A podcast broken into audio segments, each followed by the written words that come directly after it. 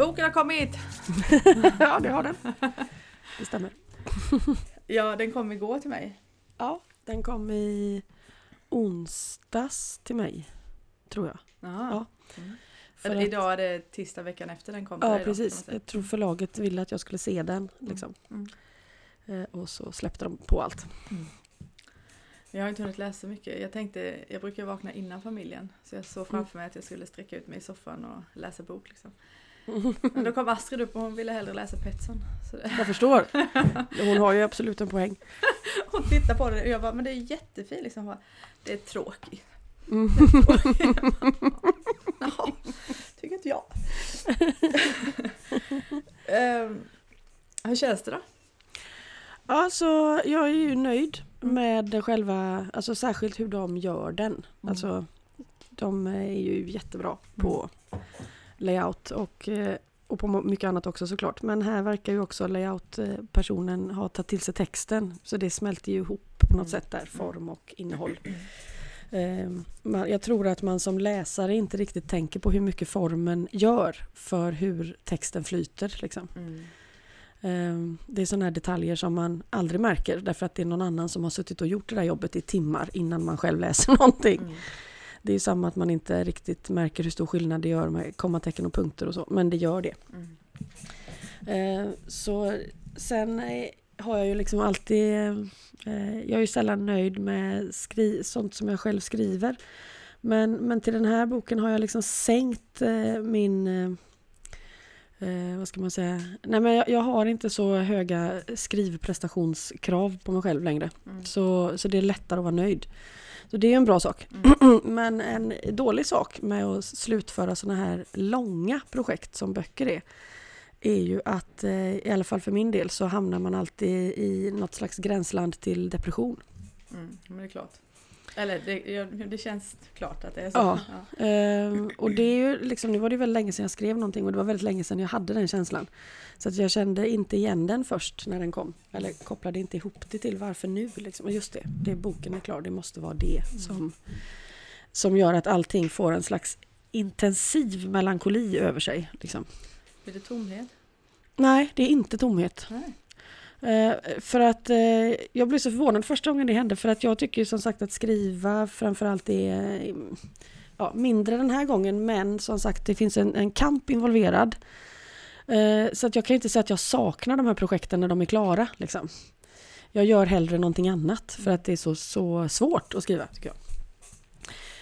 Så det är inte tomhet. Det är det inte. Det är någonting annat. Spännande ändå. Mm. Jag blev jätteförvånad med Sandra och tiden som jag hade verkligen slet med och eh, inte var nöjd någon gång egentligen. Och så tänkte jag nu är i alla fall fanskapet klar. Och då kom den här melankolin. Man bara, nej! Då började jag verkligen undra varför är någon människa författare? Jag, gör ju, jag skriver ju bara som, en, eh, som ett sidospår. Liksom. Mm. Jag tänker människor som har det som sin sin huvudsakliga eh, uppgift. Kämpa, kämpa, kämpa. Det är Vilken- klart att man blir ledsen. Ja, Ja. vilken grej liksom. Mm. Men det är säkert inte alla som upplever det så. Nej, Får man ju hoppas. Det precis, det får man hoppas. Ja, alltså jag har egentligen tänkt dyka rätt in på en eh, passage. Jag har inte kommit så långt som sagt. Men på Men sidan... jag, man ska inte läsa den där fort. Nej men så jo jag men det gör jag. hoppas nästan jag att du läser inte har kommit så läser långt. den igen sen Ja, jag. så kan man göra. Eh, jag måste ju veta om det, jag måste ju veta om, det, om, om du, om du vad heter det, har något svar på slutet. Nej, det vet jag att du inte har. men- nej, det har jag inte. Det är extra tydligt här tror jag att jag inte har det. Ja. Men, eh, men jag tycker ändå det är kul. Mm. Eh, på sidan, på, ja, det spelar kanske ingen roll vilken sida. Nej, Men- jag kan ju springa och hämta en bok själv om du vill. Så Ja. kan vi titta på den båda två. Men annars så får du bara läsa det. Jag måste ändå läsa det för att Mm. jag antar att alla som lyssnar inte har fått böckboken än. Alla som lyssnar kanske inte vill ha boken Tina. Om, man, om man ändå lyssnar på den här podden så vill man ha boken. eh, du, du frågar faktiskt, jag tror det är du som frågar så här. Men spelar det någon roll vad man gör med sitt liv? Om allting ändå registreras likvärdigt och utan värderingar av detta osynliga universella, påverkar livet själens utveckling efteråt?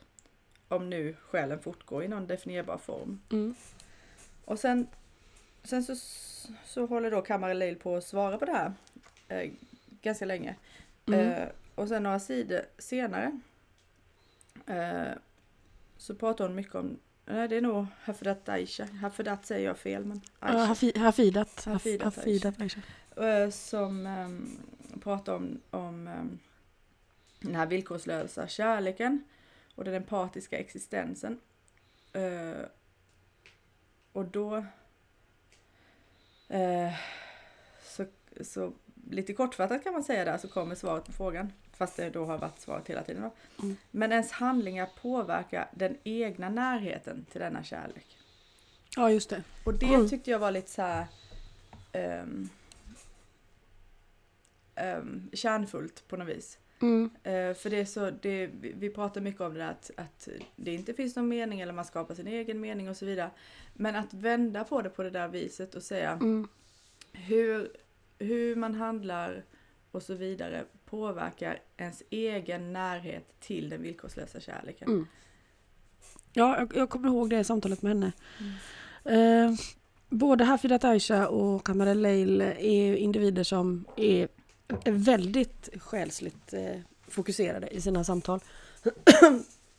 och eh, för eh, Hafidat Aisha, hon har alltid beskrivit ehm, vad ska man säga, skaparen, skapelsen, skapelsekraftens centrumpunkten på något sätt. Vä- väldigt tydligt och konkret eh, och där den, eh, den här villkorslösa kärleken eh, som på något sätt allting består av under, i och igenom eh, är, den är liksom omöjlig att rubba. Liksom. Jag, jag kommer ihåg när eh, när Göran Grip, eh, som var den första människan jag hörde beskriva någonting eh, lika starkt som hon gör.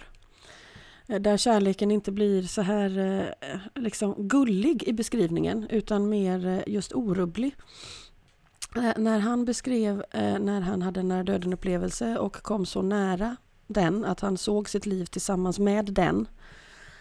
Eh, att den kan inte göra något annat än att älska en. Det spelar ingen roll vad du har gjort eller inte gjort. Den kärleken är konstant. Den kan inte...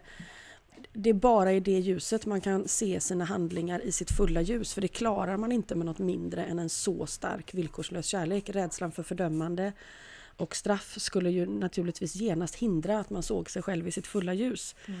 Vilket också är spännande när man då ser att bestraffning kanske inte alls leder till att man eh, förbättrar sig i någon bemärkelse utan kanske med, till och med tvärtom. Mm. Det är en annan, ett annat ämne. Men, men den kraften kan bara vara vad den är. Eh, så i Hafidat Aishas bild så, så är det ju då upp till mig om det jag gör. Och då är det ju inte bara handlingar utan också eh, eh, tankar, attityder, alltså allt agerande, allt interagerande från min sida kommer ju liksom att flyta fram och tillbaka som, eh, som driftwood i vatten. Liksom. Alltså antingen så kommer det att föra mig närmare den här konstanta punkten eh, eller längre ifrån. Men den kommer inte flytta, den är hela tiden vad den är. Liksom. Mm. Så att det är hela tiden upp till mig. Den är alltid tillgänglig. Det är hela tiden upp till mig. Mm. Och så säger man ju också i islam då att om jag tar ett steg emot, ja nu kan jag inte det här ordagrant, men mot, mot detta. eh, Så kommer det rusande med tusen, tusen steg liksom. Från andra sidan. Mhm.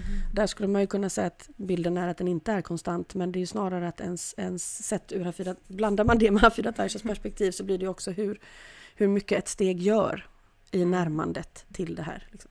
Just det. Det är Exponentiellt på något vis. Mm. Mm.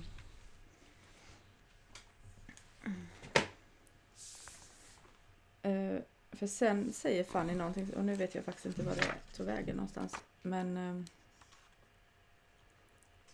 om att leva i en hästflock. Mm. Att det är väldigt likt detta. Mm. Det kommer jag nog inte kunna hitta.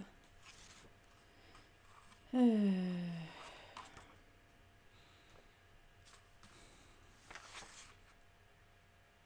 Nej, det blir, det blir lite dåligt, dåligt. Tråkigt att lyssna på om jag ska sitta och läsa boken när vi pratar. Ehm, men jag, vi fick, jag fick en fråga, vi har lite så här diskussionsgrupper över nätet.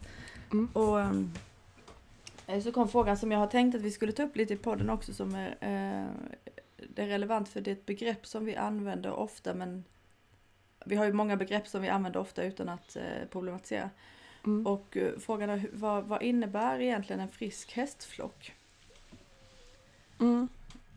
Alltså, en, en aspekt av det friska skulle ju vara att helheten inte hämmar eh, individens möjlighet att vara sig själv fullt ut. Mm. Att man inte behöver kompromissa med fel sak på något sätt för att få lov att vara med. Mm. Ehm, och i en sån inkluderande miljö så finns det ju en självklarhet som de ofta beskriver själva också. Att lever man är man med. Alltså det krävs, det är inget inträdesprov. Du måste inte leva upp till någonting. Det finns en, eh, apropå det här du sa att Fanny pratade om att flocken är lik. Den här eh, eh, närheten till det, den gudomliga kärleken på något sätt. Att eh, man, är, man är inkluderad, man, lever man är man med. Liksom. Det Mm. finns en självklarhet som gör att du krävs inte på någonting annat. Eh, som är ett, totalt välkomnande och utgår man ifrån det då blir ju också kanske idén om att det förväntas också att du använder din kapacitet fullt ut vid rätt tidpunkt. Eh, I ljuset av den känslan, eller närvaron, så blir ju inte det ett krav så som vi kanske föreställer oss idén om krav. Ehm, utan det blir en slags naturlig följd. Ehm, om, om, om någon möter mig med hela sig så kommer jag också göra det andra tillbaka. Liksom. Är jag fullständigt välkommen så är jag också beredd att ge allt möjligtvis. Eh, Så det finns ju liksom igen då kombinationen av att eh, ett totalt eh, överlämnande utan någon förväntan och också ett maximalt deltagande då som vi har pratat om i ridningen till exempel. Som på något sätt uppstår av vartannat. Och det skulle möjligtvis kunna vara bilden av en frisk hästflock. Mm, när du säger det sådär så känns det ju väldigt eh, Det känns ju väldigt eh, okomplicerat att gå in och delta fullt ut eftersom att det oavsett vad det landar i eller vad man ska säga Mm. inte kommer mötas av ett dömande. Nej, precis. Då finns ju ingen anledning att inte gå in fullt ut. Nej. Nej, eh, det, eller hur? Det skulle kanske inte ens vara en fråga. Alltså det skulle kanske inte ens bli ett ämne. Nej, lite så. Det, vad vi märker är till exempel att eh, kommer det en ny häst eh, när vi har samlat nästan alla på Gurseröd till exempel, alltså den här jättestora hagen. Eller hos Sigvard. Eh, och kommer det in en häst då, alltså när omständigheterna är väldigt goda Mm. i förhållande till yta och, eh, och närhet till varandra så, så märks inte det. Att det, det. För oss som bara tittar, om man inte lägger fokus på hur de beskriver upplevelsen av mötet så finns det ju ingen yttre liksom, konfrontation i de, i, i de insläppen av nya hästar. Mm. Det är som att liksom hälla en droppe vatten i vatten. Liksom. Mm. Mm. Och har man inte sett det så tänker man nog möjligtvis att eh, så besvärligt som det kan vara att introducera nya individer i en grupp på två eller tre eller fyra. Att men det här stämmer ju inte alls, liksom. det är ju totalt kaos. Mm. Men där är kanske förutsättningarna då för en riktigt frisk flock har de eh, på något sätt blivit lite kompromissade med. Mm, ja, precis. Jag, när jag fick den här frågan och, och ställde den, eller det var väldigt tydligt att jag fick, fick ju gå till hästarna hos dig, Mm. eh, eller hos er, och det var Dunder som kom. Mm. Och han beskrev det som att om man liksom, om man Alltså jag fick känslan av att man tar ett djupt andetag och så bara fortsätter det att blåsa upp en som någon sorts bubbla. Eller det liksom Mm, man tar mm. hela det här utrymmet och, och man, det möter aldrig något motstånd där. Den, Mm. den liksom gränsen stöter aldrig i någonting men samtidigt är man eh, väldigt tydligt att man är omgiven eller hållen eller vad man ska säga. Men det är Mm. liksom bara, man kan bara expandera utan någon eh, ja, något motstånd egentligen. Då. Ja, absolut. Och, och hans roll, han har ju ofta varit fredsmäklare och går in och är det också när det verkligen behövs, även om han går lite i och ur där. Såklart. Men kommer det en häst som är, har en skada på det här, alltså inte har upplevt det kanske, eh, och har mycket stor tillitsbrist och så, det är ju han som eh, som syr ihop. Det är väldigt roligt att se honom när grupper släpps ihop eller nya släpps ihop för han går som en liten eh, sytråd. liksom. Han rör sig som om han hade sytt. Mm. Eh, resten av tiden ser man ju honom aldrig. Men, men, eh, men då Nej, man ser man honom. nästan inte honom. Nej, det är så. Eh, och, och det, men då är han där Mm. eh, och eh, förmedlar säkert då exakt det som du beskrev nu. För när jag frågar grupperna hemma, de är ju sex nu, eller då är det Aust igen då, och hon, eh, hon, hon verkar mena att hon bär upp det här gänget och det, Mm, det går väl bra, men det är lite för få som bär. mm, Eller det här gänget, detta gäng, inklusive mig antar jag och Mm. andra. Ja. kan man väl konstatera. ja, och jag tänker också om Aust nu också som islandshäst. eh, De brukar relatera till ännu större grupper än Mm. vad många andra hästar också gör. Mm. Alltså, Mm. de, de verkar ta det ett steg till, många. Mm. Hon har ju levt på Island också tror jag, Mm. de första fem åren i sitt liv och hon Mm. återkommer ju ofta till det. Mm. Så hennes perspektiv är ju vad ska man säga, hon brukar ju säga att ni, ni, det, är liksom, det är lite kört för er, ni kommer inte uppnå det här som jag längtar efter liksom. Nej, och så kan det ju vara eh, såklart om man tittar i eh, ett kort tidsperspektiv. Men Mm. förhoppningsvis genom att de lär oss då Mm. så får man väl ha kvar förhoppningen i det större perspektivet även om det inte Mm. sker under min omedelbara livstid. Liksom. Precis. Mm. Så kan ju en förändring ske under ens livstid.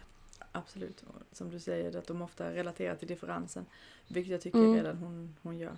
Mm. Det blev en väldig skillnad på från fyra till sex om jag ska vara ärlig. Ja, ja eh, mm, och jag, jag tänker att man får ju alltid försöka göra det bästa med omständigheterna. Mm. Det, jag har träffat konstellationer med väldigt få hästar som hittar det där. Eh, liksom för att, ja, antingen för att de använder det mesta av omständigheterna eller för att det som ändå finns där räcker för att bygga med. Mm.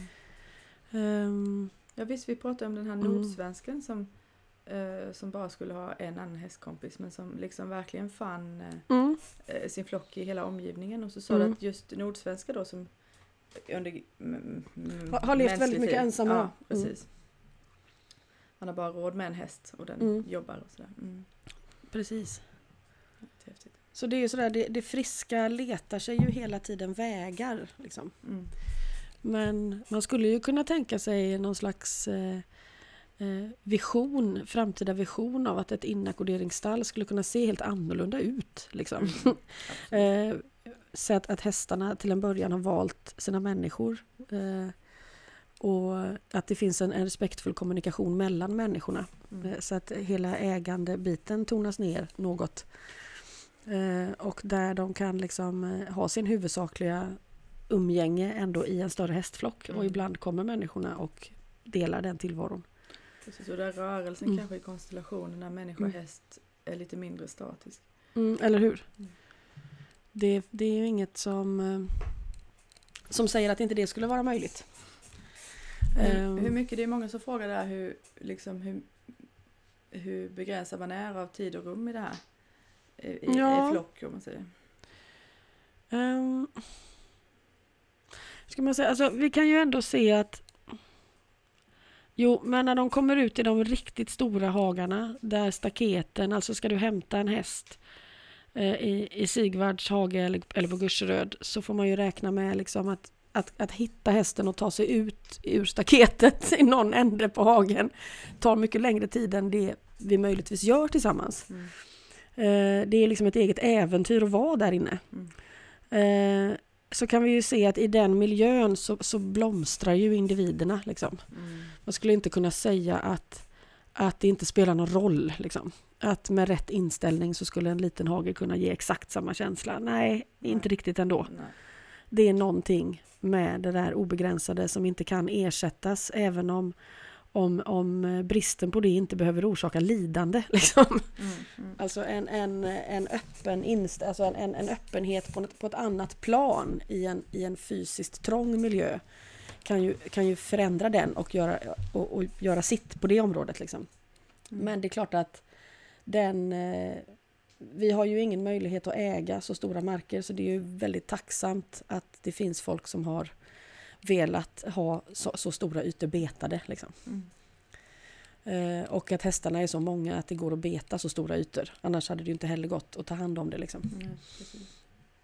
Eh, för att vi ser ju att det gör skillnad. Mm. Jag, men jag tänker att har man inte den möjligheten så kanske man kan liksom släppa på, på linorna i något annat område. Liksom. Finns det någonstans där hästen skulle kunna springa helt lös? Liksom, där de inte måste korsa en väg?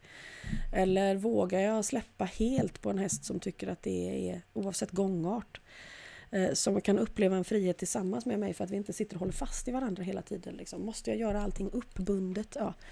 Och då menar jag inte det här att hästen står still utan att vara uppbunden för att den är så väldrillad att den inte rör sig ändå. Men, men, men kan, kan man liksom släppa på det här eh, på andra områden så skulle ju det ändå spela roll. Tänker lite på era getter och får där som går in Mm. och ut ur hagen. Ja, Eller våra hästar som gjorde det typ tre gånger under jullovet. Ja. De tyckte att vi ägnade oss för mycket åt julfirande. ja. Något understimulerade men de tog saken i egna händer. Mm. Ja, men, så, men hur så, tänker det, du också? så det, det är ju eller? rum då. Det är Mm. rum. Ja, och sen f- tid eh, är ju ett dilemma, eh, tänker jag, i, i vår moderna tillvaro. När man tänker sig en, den här lite kanske vanliga situationen att man har en häst någonstans. Och så har man ett jobb och så kanske en familj och så ska liksom hästen eh, få plats där på något sätt. Så att du har bara den stunden som ni kan umgås på. Eller så har man med sig en idé om vad liksom en, en... Alltså man tycker om sin häst och man vill göra sitt bästa och då har man med sig en idé om vad en, hur en riktigt bra hästägare är. Mm. Eh, och i, i vårt samhälle är det väldigt ofta knutet till prestation då. Så att en bra hästägare rider mycket till exempel. Eh, och ska få in väldigt mycket på de här, den här timmen eller timmarna efter jobbet kanske. Eh, och där kan man väl säga att det finns ett visst missnöje bland hästar. Som nog my- mycket hellre bara skulle vilja ha ett möte. Liksom. Mm. Alltså får man inte till att göra någonting den dagen så ja, men stå en stund. Liksom. Gå ut och beta eller gå ut och titta på träden eller vad som helst. Det är hästar finns naturligtvis i brist på utrymme hästar som får ett stort rörelsebehov som vi blir skyldiga att göra någonting åt. Men utöver det så får man ju säga att den allra största presterande idén om prestation ligger hos människan. Mm. I förhållande till mängd prestation. Liksom. Ja, generellt så verkar de ju Mm. ha det liksom... Eller nu tänker jag på våra här och dina där. Mm. Eh, Det, det finns ju liksom en, en, eh, en förnöjsamhet Mm. i bara så som det är och sen så kan det då finnas vissa drivkrafter som, som man kan fånga upp. Och, och för en del individer så är det ju verkligen mer rörelse Mm.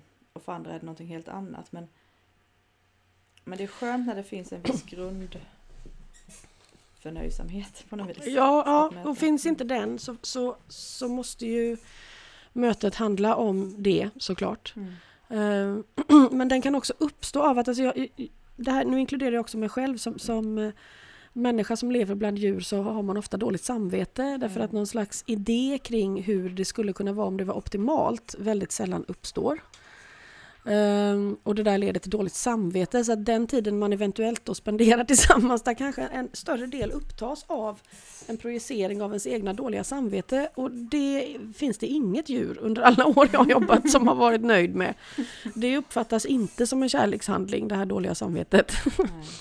Eh, Så att jag tror att skulle man kunna, igen då, säga att, att, eh, att om utrymmet är litet så kanske man ändå kan släppa eh, linan någonstans. Om tiden är liten så kanske man ändå kan höja närvarograden istället då. Mm. Eh, Så att jag under den, de, de tio minuterna som jag har, eh, som inte innebär eh, mockande eller görande eller så, att då kanske jag släpper allt annat i den stunden. Mm. Inklusive dåligt samvete som bara handlar Ja. om dåtid eller, Mm. eller framtid. Ja, eller liksom Ja. idéer om vad, vad liksom... För det där handlar ju om vad andra människor har lärt mig att hästar vill ha. Det Mm. handlar ju, jag har ju inte eh, kollat ens vad den här hästen vill ha, Precis. förmodligen. Nej. Mm. Eh, det var rum och det var tid. Eh, en, en tredje aspekt är ju egentligen eh, ja, mängden på individer då. Och om det kan över om det kan överrida avstånd alltså. Om, om, kan man ha en flock där en individ är i Norrland och en annan i Skåne eller sådär. Hur, hur en, en, en typ av kontakt som inte är fysisk. Och, och hur ser de på Ja, det? alltså både och. Det verkar ju som att har man upprättat kontakt så består den på något sätt. Eh, så att du skulle kunna ha en, en kontakt och en flockkänsla som går över din, den fysiska kontakten. Eh, och där skulle man ju också då kunna smyga in det, det själsliga medvetandet kring att allting är ett. Alltså är, vi, är ju ingen egentligen frånskild någon i- av allt levande om man skulle dra den tanken hela vägen ut. Och sen har du den andra aspekten som beskrivs av, av hästar som, som lever i miljöer där man kanske står en och en med ett staket emellan sig. Det vill säga vi ser varandra men vi når inte fram. Eh, och de individerna upplever ofta en väldigt stor stress i förhållande till det. Mm. Eh, därför att det på något sätt flockar, det är en massa enstaka liksom, som aldrig når fram och det blir inte en flockgemenskap av det. Så att, att se någon annan räcker inte för att flockkänslan ska, ska eh, förankras. Alltså när du beskriver den där bilden Mm. så tänker jag direkt på att vi har gjort med hästarna det som vi själva upplever. Alltså människans isolering Mm, har vi nu, har vi nu liksom skapat för hästarna mm, genom att sätta dem i varsin liten ruta. mm. Ja, och vi upplever ju, precis, eh, och vi upplever ju med det handlandet tror jag att vi skapar trygghet. Det, vi förhindrar skador, de blir inte leriga, eh, de blir lätta att hämta. eh, De får ha sin mat i fred. Eh, Alltså det, för oss är ju ändå känslan att vi har skapat ett fint rum. Liksom. Mm. Och det finns en omtanke i det. Men från, från hästars perspektiv så... Alltså det, det finns hästar som lär sig leva med det och kan hitta liksom en slags förnöjsamhet oavsett allt. Eh, Men given the choice så har jag aldrig träffat en häst som väljer den livsstilen. Mm. Om man, kan göra, om man skulle kunna välja någonting annat. Många hästar i sådana miljöer uttrycker att var, när man frågar är det någonting ni vill så är det att ta ner staketen så att alla går tillsammans. Mm. Det är nog den, den vanligaste önskningen. Så, så där kan man ju säga att där, där, även om man ser varandra så finns det där, då ett avstånd. Samtidigt som det kan vara en situation där du inte ens ser den andra men där det inte är ett avstånd. Mm. Men, men att det är någonting i den fysiska närvaron som man inte kan trolla bort. Liksom. Mm. Mm. Eh, Och så är det ju för oss också, blir ju uppenbart nu när vi isolerar oss att eh, eh, de digitala kontakterna ersätter inte riktigt det där andra som man kanske inte kan sätta fingret på varför skillnaden är så stor. Ja, precis. Mm. Ehm, ja, det- här, alltså mina tankar kring detta samtalet idag är väldigt eh, lösryckta och också eh, in- inkluderar andra människors frågor. Mm. Vi har fått en fråga eh, som jag också tyckte var relevant att ta så fort som möjligt. Ehm, från en tjej som heter Lina, eller kvinna. Eh, hur ska vi vanliga dödliga förhålla oss till att vi inte vet vad våra hästar egentligen vill och känner? Visst kan vi läsa av deras kroppsspråk, men jag tror att min häst har en helt annan agenda som inte når fram till mig. Mm. Risken att jag får rida honom även om han inte vill är så stor att jag har slutat helt. Mm. Mm. Ehm, alltså jag, jag tänker ju att den här människan är medveten om att den här hästen uttrycker någonting som hon kanske inte uppfattar detaljen av. Eh, Men att det, är, det betyder ju att hon lyssnar. Mm. Eh, Sen att man kanske inte hör. Alltså det verkar vara väsentligare att man lyssnar. Mm. Så, så skulle man kunna säga. Ur hästarnas perspektiv. Ja, ur hästarnas perspektiv. Eh, så, så där har vi en bra början, tänker jag.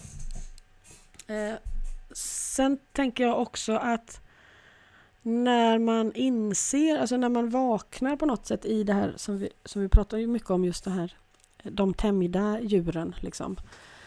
Eh, och vad vi gör med dem och har gjort med dem, då, blir ju, då kommer man ju till en punkt där man oundvikligen ifrågasätter hela idén kring att liksom använda djur i sport. liksom, eller, i, Mm eller som hobby. Eller, rekre- helst, ja, kan, kan jag liksom Mm. använda dig bara för att det går? Eh, och att den, frå- alltså, den insikten kan bli så överväldigande att man helt enkelt, nej men det är nog, då avstår jag hellre helt. Mm. Istället för att ta en risk liksom, av att jag inte fattar vad jag gör så känns det mer respektfullt att avstå helt. Eh, och, och, och den, jag tänker att, att prova det och gå till den punkten är nog också nödvändigt i lyssnandet, i alla fall för många. Men sen har vi den här delen av överlämnande kontra deltagande då. Och då kan det ju hända att här finns det en, eh, en liksom lättare att överlämna sig men möjligtvis en tveksamhet inför att delta. Eh, och det känns ju mer sympatiskt att det går i den ordningen än tvärtom. Eh, men det kan ju hända att, att den här hästen också längtar efter ett deltagande. Det är möjligt att ingen part vet hur det ser ut. Så det kanske inte hästen vet heller. Eh, så jag tänker att den, ja, hade jag haft den här personen mött den på jobb liksom, så skulle jag nog börjat med att försöka vidareutveckla den här personens magkänsla för den tror jag finns. Det är ju mm. någonting som har gjort att hon har ställt sig de här frågorna. Mm. Eh, och eh, velat liksom avstå från att göra ett övertramp emot hästen. Eh, så det finns ju en, en eh, stor respekt och kärlek för den andra här också som gör lyssnandet såklart lättare. Eh, då är det möjligtvis att rädslan för att ens eget deltagande per automatik skulle vara skadligt kan förhindra att man, att man uppfattar sin egen magkänsla. Mm, kanske det inte, där är viktigt. Ja, hon, hon, kanske inte ska leta efter ord eller en, en liksom konkret bild utan mera om jag nu närmar mig den här individen, hur känns det när vi gör det här? Och så kan man alltid tänka att, att ett övertramp behöver inte bli antingen eller. Alltså det måste inte vara så att, att nej, nu har jag klantat till det och det här är oförlåtligt. Utan, utan man kanske märker det i ett ganska tidigt skede att oj, men det här var ju faktiskt inte rätt. Jag avbryter nu, jag är hemskt ledsen, jag missade det här. Ehm, så att det måste inte vara skadligt att man prövar sig fram. Mm. Till, till exempel. Därför mm. att annars är ju risken att man själv avstår från att gå in i flocken av rädsla för hur mycket man kommer att förstöra. Och jag tänker att det är ju, det, det är ju naturligt att man har den. Därför att vi, vi gör ju så här hela tiden, alltså som art. Eh, man gör det själv hela tiden fast man vet om det. Liksom. Även om man kan få till sig möjligtvis fler dimensioner av information så, så går man över den gränsen. Mm. Och får be om ursäkt. Eh, och som art har vi varit respektlösa på ett sätt som är helt obeskrivligt. Så det är klart att man känner att eh, en, en längtan att bryta det. Liksom. Mm. Och kunna göra någonting där man inte är i vägen eller hela tiden är den destruktiva parten i förhållandet. Liksom. Mm. Eh, men jag, jag, skulle ju tro att hennes häst i slutändan, hur det skulle se ut vet man ju inte. Men nog ändå skulle vilja ha henne där på något sätt. Det verkar ju som att, mm. inte alla, verkligen inte alla, men, men många um, det, det, där som händer i delningsögonblicket och mötet, mm. det, alltså, det är ju ett sätt att uppleva mer. Mm. Och sen är det ju att, väldigt att intressant. Som... Ja, och det är väldigt intressant att hon, hon beskriver det ju som att det finns en risk att jag skulle kunna göra saker mot den här individens vilja. Då har hon ju uppfattat det förmodligen utan att den här individen protesterar. Ja, men det där är väl eh, jättesvårt, precis som du sa och, innan och då, med de här väldresserade ja, typerna. och då finns det ju en känslighet hos personen. Mm. Någonting har ju fått henne att uppfatta detta liksom. Mm. Och det är ju inte bara intellektuellt. Mm. Så, så att jag tänker att det bästa är kanske att de bara spenderar tid ihop utan en idé om att lösa detta. Mm. Eh, och så ser man vad som händer då. Mm. Alltså jag, jag, kan ju gå lite till mig själv som, som en annan vanlig dödlig. Alltså jag, hade, jag har ju liksom ingen grand story om uh, när jag plötsligt kunde höra lite mer eller vad man ska mm. säga. Och, och jag har ju också verkligen fått gå den där vägen. Jag, det, fick ju, det fick ju liksom verkligen dra i handbromsen. Mm. Här rids inte, här görs ingenting. Mm. Ja men vi hade också en period, flera år, vi som med, vi liksom knappt, ja, mm. utom med liksom individer som var väldigt uppenbara, men där mm. allt pausades liksom. Mm. Och det kanske, man, det kanske kan också vara skönt att höra att Eh, det är, det, det är ju som du säger också, med tanke på människans historia så är det ju väldigt eh, Det är ju inte konstigt att man, man börjar där. Nej. Och någonstans, för mig i alla fall, så, så kändes det också väldigt skönt att, att jag, jag återkommer till det begreppet hela tiden, men det kändes som att gå till någon form av nollpunkt liksom. Mm. Det, vi, vi måste hitta, det, hitta, det, det, här, det blir ju efterkonstruktioner när man ska beskriva det. Mm. Men eh, men det behövdes verkligen eh, brytas även för, för oss. Eh, ja. Och sen Eh, För jag tänker att vi, vi är alla vanliga dödliga i detta men vi återkommer Absolut. till det som du alltid säger att det gäller ju, man får ju öva liksom. Mm. Och det att skapa, att skapa utrymme för det ehm, är ju eh, alltså en ganska stor del av det hela. Men också att, att som du säger, om man har påbörjat någonting att, att ah, det blev fel, att, att avsluta det då. Mm. För att det tycker jag kan vara en utmaning egentligen ibland. För, och, och Mm. likadant, då, eller, och nästa utmaning kommer ju att, att inte gräva ner sig för att det blev fel. Ja, för att då, då hamnar man ju igen i ett ganska självupptaget fokus. Ja. Liksom. Ja. Eh, vilket ju en människa alltid, eh, den dörren, dörren är ju alltid öppen på vid gavel liksom, för oss alla. Mjukt och skönt där inne en stund. Ja. Nej, och sen tänker jag också, eh, jag, jag tänker på utbildningen och sådär att, att eh, man är ju van vid att när man går en kurs i någonting så betyder det att, man liksom lär sig saker och lyckas med dem då. Alltså man får en uppgift och så klarar man av den och så tar man nästa steg och så blir man bättre och bättre och så är man klar och så man, ja. Mm. Nu har vi sett att det är inte alls det hästarna letar efter överhuvudtaget. Liksom. Ehm, utan de verkar ju i mycket större utsträckning designa uppgifterna för att man ska ha en väldigt liten chans att lyckas. Därför att att lyckas i sig skulle innebära en begränsning. Då. Mm. Eh, Och vi som står med er eh, liksom, i, i övningarna kan ju se att eh, elever som i vissa övningar verkligen inte når fram alls och upplever att eh, det här går inte. Jag är värdelös, jag, det här, jag borde inte vara här. Eh, vi ser ju att eh, en stund sen, det händer saker med dem. Det Mm. händer någonting med att man gör någonting som man inte liksom förstår. Jag tänker på den här brevskrivaren som står där med sin häst och vill förstå och, och det händer inget. Liksom. Jag tänker att det händer förmodligen massor. Mm.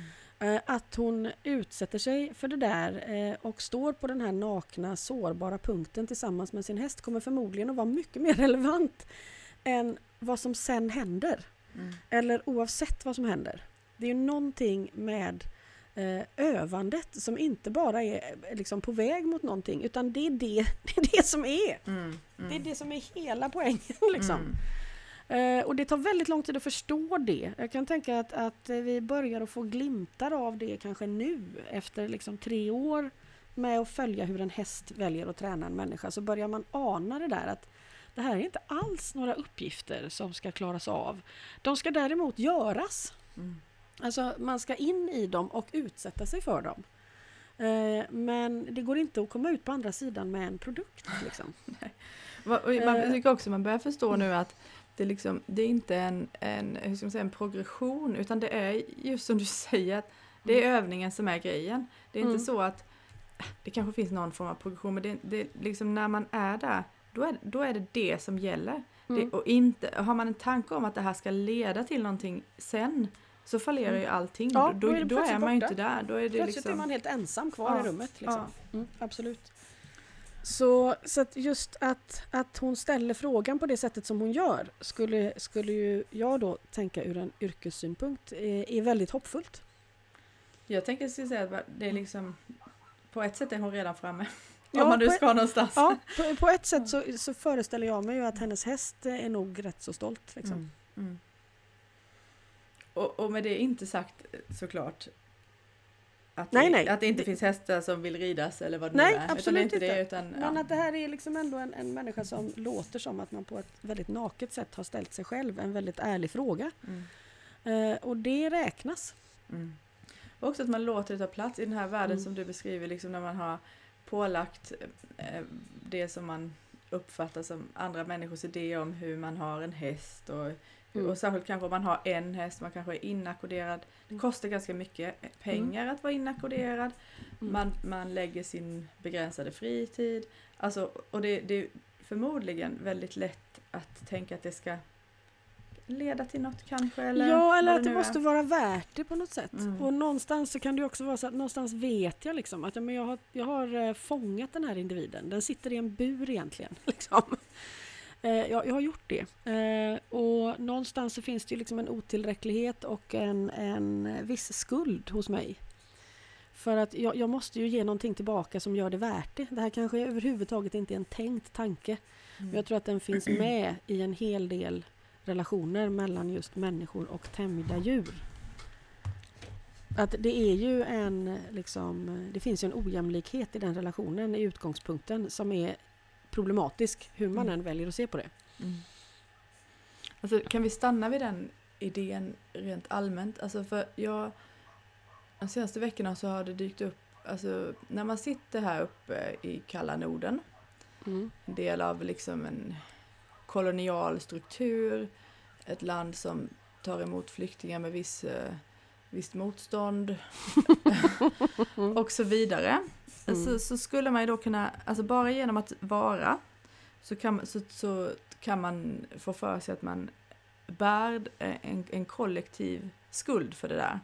Mm. Eh, som då eh, speglar varje möte med andra individer. Mm. Eller speglar, eller liksom i alla fall är med som någon form av komponent. Mm. Den Eh. borde ju vara det. Alltså, för vare sig man är medveten eller inte så, så finns ju den här historien.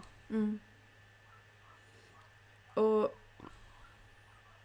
eh, jag vet inte om det finns någon fråga här men jag, jag tänker att det finns mer eller mindre konstruktiva sätt att hantera det där på. Mm. Ja, eh, det gör det ju. Alltså jag tänker att skuld är ju en, en, en jobbig känsla. Liksom.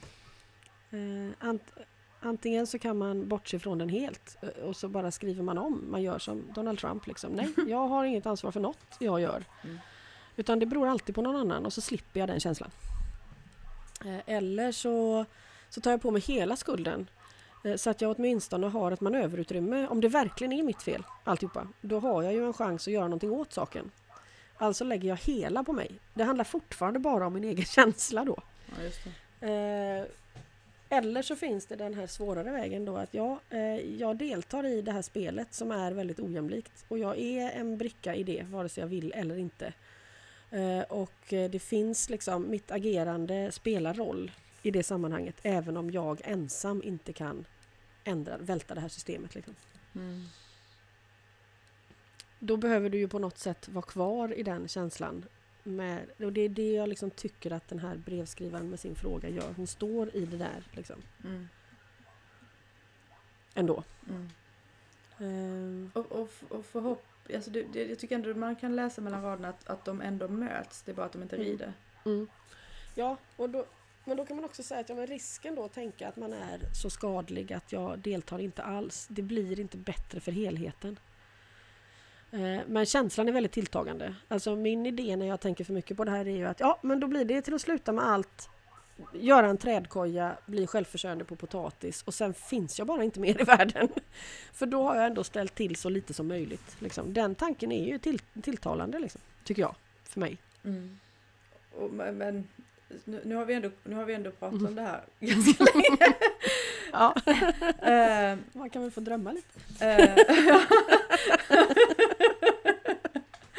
Det, det, det, det, är ju, det där är ju som du brukar säga den, den andra änden på det galna snöret. Liksom. Ja, För, för då, har vi ju, då har vi ju satt igen oss själv Mm. utanför Ja, skapelsen. absolut. Och, och, och lägre och så vidare. Mm. Um, alltså Och utmaningen det, det kommer är inte ju komma, att det kommer inte komma en lösning där. Ja, Nej. det kommer inte komma en lösning där, jag fattar det. Det Ja. handlar om känslan. Jag vet att du, att du Mm. fattar. Mm. Men, det, men, men utmaningen och det svåra är ju att hela tiden, ja det är ju igen det här vi pratar om alltid, men att hela tiden kliva in liksom. Hur, Mm. hur kan jag vara en positiv kraft? Hur kan, Mm. hur kan tillbaka till dagmasken liksom, hur kan Mm. mitt eh, pluttrande runt här bidra till annat liv? Och inte Och jag, jag, jag tänker att det är ju det som ligger i den här frågan. Mycket. Mm. Mm. Går det att delta överhuvudtaget när man har insett detta? Eh, ja, det måste ju vara så. Eh, men då är det många, det finns mycket man behöver möta liksom. I sig själv. Varav mycket nog också ligger på ett kollektivt och omedvetet plan. Mm. Man kan väl säga så här, eh, också med utgångspunkt i våra egna erfarenheter, att det behöver få ta lite tid och man får vara lite snäll mot sig själv på vägen. Mm, ja, Och lite, det- med lite tid menar jag Mm. åravis. Mm. Nej, men jag tänker det är samma där, att det måste finnas en- slags förmåga till självförsoning eller självförlåtelse. Annars Mm. så fastnar man ju hela tiden i... Annars ersätt, ersätt, ersätts ju det av att jag istället ägnar mig åt att betala tillbaks den här skulden. Alltså självbestraffning då. Blir ju ett parallellspår till, till att man försonas. Just det, vilken vansinnig... Ja. Van, vansinnigt Eh, vanlig grej. Och, och det kostar ju också jättemycket energi och bidrar inte, skulle man kunna säga. Mm. Eh, men i andra änden då eh, inte bli så slack på, på självförsoningen att äh, ta det en annan livstid. Det är ingen... Äh. Nu har Ingen vi, bara för nu. det så har vi Mm. en fråga till som liksom verkligen eh, tangerar detta. Mm. Eh, varför händer det att vi tenderar att emotionellt socialt isolera oss om vi upplever en stark känsla? Är detta bara identifiering med känslan som skapar detta? Är inte det ungefär vad vi pratar om? Mm. Ja, och sen tänker jag det kan ju också finnas en... Eh, skulle kunna finnas något eh, konstruktivt i det åtminstone inledningsvis. För att om det är en, en stark känsla som är ny och jag har ingen aning om hur min reaktion kommer att se ut. eh, Så skulle det ju kunna finnas något friskt i att jag då drar mig undan för att inte veva igång någonting Mm. eh, som sen skulle kunna bli som jag inte vet följden av överhuvudtaget. Alltså jag tänker vi är ju ändå planerande djur. Eller en art som, eh, som har liksom mentala strategier för att överleva. Och att backa av från gruppen vid en stark känsla skulle ju kunna fylla en sån funktion. Att jag måste bara låta den här landa lite innan jag ser vart den leder. Det är egentligen Ehm. motsatsen till att identifiera sig med den då. Ja, det, det är en aspekt. Mm. Sen skulle det ju kunna vara att man identifierar sig totalt och eh, liksom att, att man hamnar i en ofrivillig isolering. Ja, just det. Eller flytta in i kojan Mm. och odla potatis. Mm. För att man bara är den känslan. Mm. Mm. Eller som att man aldrig konfronterar en rädsla och så blir man räddare och räddare hela tiden. Ja, liksom. Mm. Utrymmet minskar och minskar och Mm. minskar. Så det skulle kunna vara både och tänker jag. Och som det mesta eh, så är det ju en blandning. Mm. En del är en flykt och en del är en, eh, en eh, reflektion. Liksom. Mm. Men att säga att det per automatik skulle vara bara en identifikation, det skulle vara att förenkla idén kring känslor. tror jag. Mm.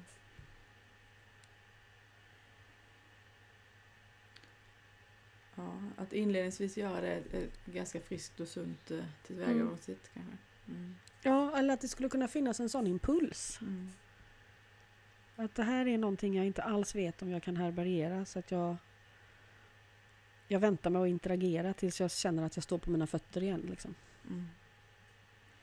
Eh, I början av boken skriver du också om eh, mm, det är en rovfågel, jag har glömt vilken, vilken art det var. Mm. Ehm. jag tror inte det framgår. Nej, det är så kanske det. Mm. Ehm, och just skillnaden kanske mellan att vara människa och rovfågel eller människa och annat djur. Mm. Att, att, att vi liksom måste förhålla oss till saker och ting som inte bara är instinkt och genetik. Eh, och ehm, sånt. Mm, precis. du får utveckla det för det, Ja, det tog det stopp. Jag vet att jag träffade en, en kund som jobbar med fåglar som kunde beskriva det där på ett sätt som jag tyvärr inte kan eh, återge. Jag skulle gärna fråga henne det igen. Men att det hos just fåglar verkar det handla väldigt mycket om det där. alltså att de, de klarar sig med väldigt lite prägling. Alltså det inbyggda är, är mycket stort. Mm. Eh, och människan då tvärtom. Mm. Ehm, Det är Och det är- ja, och det är väl igen att det hela tiden kommer in det här att vi, vi har ett val. vi kommer inte undan att vi hela tiden har ett val. Knyter man tillbaka till den första frågan så finns det ju en insikt där om att shit, jag har ett val. Vad gör det med mig? Vad försätter det mig i för position? Vad borde jag göra och inte göra nu när jag vet att jag har det? Mm. Ehm, och det, den sortens uppvaknande behöver ju eh, arten Mm. i, i ett akut behov av det, det, den sortens uppvaknande. Därför att vi kan ju då välja en annan impuls och en annan prägling. Eh, problemet med det, för man skulle kunna tänka sig att ja, men det är ju jättebra, då kan man ju alltid välja ett bättre alternativ. Men det är ju inte riktigt så det blir då. För att, inte nödvändigtvis, därför att på något sätt så för att det ska bli ett bättre alternativ eller öka utrymmet för alla så måste vi ju då basera det där valet på någonting som går utanför vår egen omedelbara vinning. Mm. Och för att vi ska kunna gå utanför det så måste vi kunna relatera till någonting inom oss själva som är större. Så att vår hjärna uppfattar någon slags belöning också i de större besluten. Mm. Eh, och det gör den inte om det inte finns en, en eh, vad man då skulle säga, mer själslig medvetenhet. Alltså att en, en upplevd medvetenhet om att jag är något mer än bara mig. Spännande. Annars kommer ju impulsen alltid att gå tillbaka till jag vill ha godis nu. Liksom. Eller det som känns bra för mig är bra. Så det finns ändå liksom en fysisk neurologisk eh, aspekt här att vi måste, vi måste, alltså med upplevelsen av det som vi benämner det själsliga, där, Mm. där jag blir förvirrad. ehm, Mm. Ja, men vi måste bara liksom kalla det för sak- någonting. Ja, ja, för det blir så svårt att inte ha ett ord alls. Absolut, det, Ja. jag gör ju det men jag måste alltid Mm. lägga in en brasklapp efter. Ja, gör så. Det är bra. Ehm, eh, ja, men, eh, så, så, vi, genom det så, kan, så skapar vi, eller så möjliggör vi ändå att, att hjärnan får sitt, eller hur man ska säga. Det är ju lite häftigt. Så jag inte Ja, och genom att, prakti- ja, men genom att praktisera det då. Om man tänker Mm. sig att man hittar det. Ja, men det är och klart, det är självklart nu Ja, du och säger det. praktisera det så kommer ju hjärnan att uppleva en vinst också i. Det betyder inte att man gör det av egoistiska skäl men det betyder att det finns kanske en, en dragning åt den motivationen. Mm. Eh, jämfört med att har jag inte övat på det alls utan ägnat hela mitt liv åt att tillfredsställa eh, mina, mina begär. Mm. Eh, så ser jag inte överhuvudtaget liksom, varför skulle någon välja att skänka sina pengar till en bättre behövande. Liksom. What's in it for you? Mm. Mm. Och då blir man en... eh, Då, då blir det den här lite allmänna tonen av att om man inte är en automatiskt vinstdrivande person så är man en loser. Liksom. Men det häftiga med det här är ju också att att när, alltså det kan ju också bli sådär när man skänker pengar till exempel, eftersom vi tog det exemplet. Mm, det är av vilken anledning man gör det såklart. Ja, men, ja och man, det är klart. Men man kan också men- förstärka ett system som bygger på att, att någon tillfredsställer sina skuldkänslor genom att ge bort någonting till någon som alltid kommer att vara i underläge. Ja just det, men det kan Mm. också bara vara den här lite mer, lite mer kanske, det kanske är Alltså det kan, det, det kan liksom, det går ett varv till där kanske. Man Mm. har, man, vad ska man säga? Säg att man har kommit till en, eh, en punkt där, där det inte är den personliga vinningen. Man har ändå någon form av kontakt med någonting större. Mm. Men, men då mår man kanske ändå bra då när eh, personen i fråga mår bra när han, han agerar på ett sätt som, som inte bidrar till direkt personlig vinning. Mm. Den känslan av att må bra skulle ju också kunna skapa ett frågetecken kring va? varför gjorde jag nu detta? Gjorde jag det för att må Mm, bra jag eller tänker vad det ska vara? Jag tänker att det är ett, ett välmående som ser olika ut. Att, men, men som med allting som ser likadant ut fast betyder motsatsen så måste båda sakerna ha upplevts för att man ska förstå skillnaden. Så att du har ett välmående som uppstår när dina begär tillfredsställs. Och det kommer kännas på ett visst sätt. Eh, och sen så kommer du ha ett välmående som uppstår när ditt handlande har gagnat helheten. Mm. Och det kommer att kännas på ett annat sätt. De Just det. två kommer gå att ta isär, men inte utan varandra. Så att det är omöjligt på något sätt att hitta det ena utan att begå vissa misstag på vägen. Och det kanske också är så att, för det som jag tror att, att jag fisk, verkar fiska efter här nu när jag, när jag hör dig säga så, så, så är det nog att, att ibland så har vi en, en diskurs bland människor att det också då, alltså att, att det egna välmåendet skulle ta ifrån eh, ja, handlingens värde om man säger. Eh, eh, att det Nej, och, och, precis, och då, nej. det blir ju tokigt då. För det beror på vem som upplever välmåendet. Om man säger att, att egot upplever välmåendet, alltså en, en, det är den glädjen som uppstår i en identifikation. Oj, jag möter en, en partner som triggar alla mina mönster. Liksom. Vilken härlig känsla. Mhm. Den upplevs ju då, skulle man kunna säga, i, i personen eller i egot eller i det, i det förgängliga åtminstone. Man behöver inte lägga någon värdering i det. Men den känslan som uppstår då till, till exempel i respekten av en annan eller att jag bidrar till att öka livsrummet för någon annan. Eh, då känner jag ju det. Det blir ju en empatisk upplevelse och den kan ju bara upplevas av den delen av mig som kommer ur den ändlösa empatin. Apropå eh, Hafidat Aisha och Göran Grip där. Alltså Mm. den delen av mig som består av empati. då är det ju den delen som upplever tillfredsställelse, alltså tjänsten annorlunda. Mm. Så tillfredsställelsen är möjligtvis samma känsla, men det är inte samma upplevare. Nej, precis. Eh, och då försvinner ju problematiken i, men skulle då mitt välmående eh, ta någonting av det andra? Ja, i egots fall skulle det möjligtvis göra det därför att där är resurserna alltid begränsade. Eh, om jag är 20% glad så finns det 80% kvar. Liksom. Ett Så att allting, är, allting är hela tiden en handel. Liksom. Därför kan jag bli lite glad om du är lite ledsen för att om man ska hårdra det. Därför att eh, ja, men då, har det, då har du frigjort. liksom. Någon har det sämre än mig, då kändes det inte så tokigt ändå. Liksom. Det, allt det där sker på lin, den mätbara linjen men i den andra änden så fungerar det ju inte så. Så där kan man ju på ett genuint sätt då glädjas med andra därför att du är också den andra. Mm. Är det själviskt då? Eh, nej, inte per definition för att du är inte bara dig själv när du upplever det. Mm. Så den glädjen har ju en annan hållbarhet i sig. Mm. Hur gör du, nu pratar vi om de här två olika, eh, på linjen och inte på linjen. Mm. När man, jag tänker på filterbubblor och sådär, att man, man lever i olika verkligheter. Mm. Ehm, jag, jag fattar att vi, vi alla lever i båda de här verkligheterna. Hela tiden och ja. inflätat och Ja. bökigt.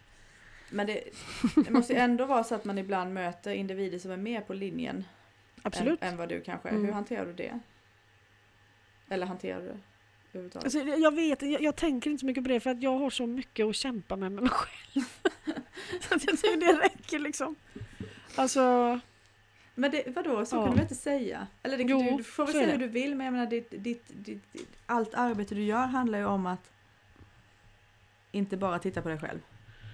ja, jo, så är det ju. Men, men alltså, säg att jag skulle träffa en människa på linjen som då skulle vara väldigt fördömande till exempel. Då startar ju det så mycket i mig så att jag får ju fullt upp där. Ja, Jag, jag, jag behöver ju inte, inte liksom ha en, en idé kring den personen. Jag vet inte varför det här är så hysteriskt roligt. Men det Okej. ja. Ja. Ja, Okej. Alltså jag, jag tänker i alla fall ur mitt perspektiv att det, man har så fullt upp med att bara liksom försöka hålla sig vaken och inte missa de här tillfällena av, av det andra.